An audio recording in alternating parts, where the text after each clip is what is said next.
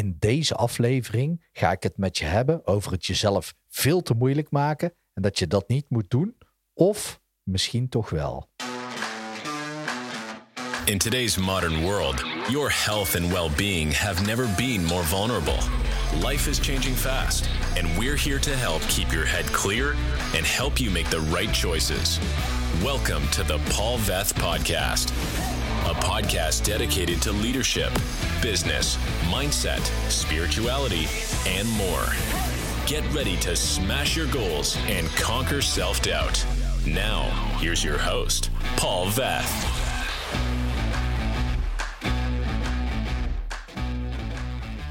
Yes, welkom weer bij een nieuwe aflevering van de Paul Vet podcast. En ik wil het vandaag met je hebben over het jezelf niet zo moeilijk maken of het jezelf veel moeilijker maken. En beide zijn waar. Ik wil het ook veel vaker met je hebben over dingen die we andere mensen maar vertellen. En ik doe dat ook. Maar dan passen mensen dat toe of het wordt niet uitgelegd binnen een bepaalde context. Waardoor elke mens maar iets gaat denken wat helemaal niet kloppend is. In dit geval, je kan zeggen, we maken het onszelf veel te moeilijk. En dat is eigenlijk waar, want het leven is eigenlijk best eenvoudig. Zou je kunnen zeggen, als je naar de hoofdpijlers gaat kijken, als je een fijn huis hebt, fijne vrienden, een geliefde, een fijn gezin, een goede gezondheid en iets waarmee je voldoende geld verdient om dat allemaal te kunnen bekostigen, dat je nog wat overhoudt om fijne dingen te kunnen doen. En dat je niet uh, afhankelijk bent van andere mensen. Dus op het moment als jij werkt voor een baas, dan kan je zomaar ontslagen worden. Terwijl als je voor jezelf meerdere vormen van inkomen regelt, organiseert.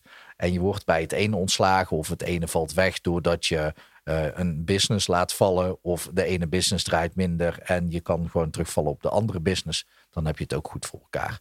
Heel veel meer dan dat is er niet. Als je dan ook nog een goed stel uh, hersens, wilde ik zeggen, maar een goede mindset erop hebt zitten, in je hoofd hebt zitten, dan is het leven eigenlijk best wel simpel.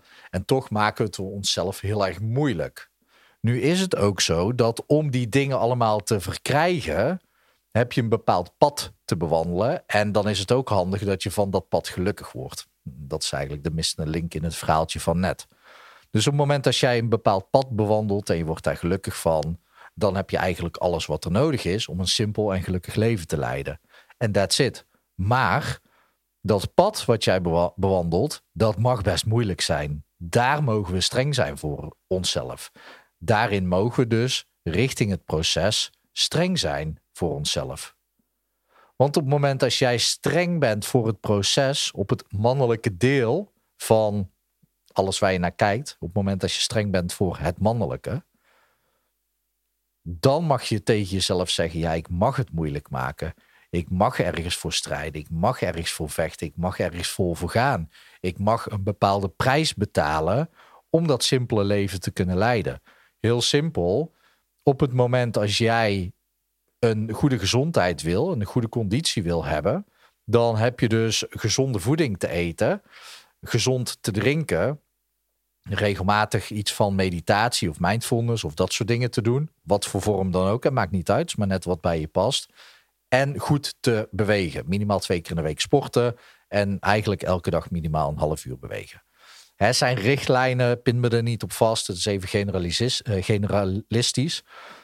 Maar daar waar je bijvoorbeeld gaat sporten twee keer in de week, daar mag je het jezelf of moet je het jezelf moeilijk maken. Want wil jij een bepaalde conditie opbouwen, wil jij sterk blijven, dan heb je jezelf fysiek uit te dagen. Op het moment als je daar binnen die context gaat zeggen, ja, we hoeven het onszelf allemaal niet zo moeilijk te maken, ja, dan klopt het niet. Sporten mag moeilijk zijn en niet, niet moeilijk in de zin van allerlei moeilijke oefeningen gaan doen. Want doe de compound oefeningen en een beetje goede cardio en je komt al een heel eind. Ik ben geen personal trainer, dus neem dat niet helemaal van me aan. Zoek daar de professional voor op. Altijd weer die disclaimers. Zelf blijven nadenken is handig. Maar op het moment dat jij goed gaat sporten en je, duigt, je daagt jezelf uit, dan maak je het jezelf dus moeilijk in de zin van: oké, het is zwaar. En daar word je sterker door dat kan ook in je business. Op het moment dat jij bijvoorbeeld elk kwartaal een bepaald doel voor jezelf stelt, of drie doelstellingen hebt, en je maakt het jezelf moeilijk, dan is de kans groot dat je een grotere, uh, grotere doelstelling kunt behalen. Dat wil niet zeggen dat je altijd je daadwerkelijke doelstelling bereikt. Maar als die doelstelling moeilijk is en je gaat ervoor, dan kom je daar in ieder geval dichter bij in de buurt dan wanneer je een makkelijke doelstelling voor jezelf hebt. En daar helemaal niet zoveel moeite voor hoeft te doen en dus ook niet doet, waardoor je gewoon een stuk lager uitkomt uiteindelijk. Ik haal die uitspraak altijd door elkaar, maar het is iets van: if you aim for the universe, then you will always end up with the stars. Zoiets. Droom groot en richt je op een grote doelstelling. Op het moment dat je dat doet, dan er zit altijd winst in. Maar daar mag je het jezelf moeilijk maken. Dus ik ben voorstander van het jezelf moeilijk maken binnen de juiste context. En ja, we maken het onszelf ook heel erg moeilijk binnen de verkeerde context.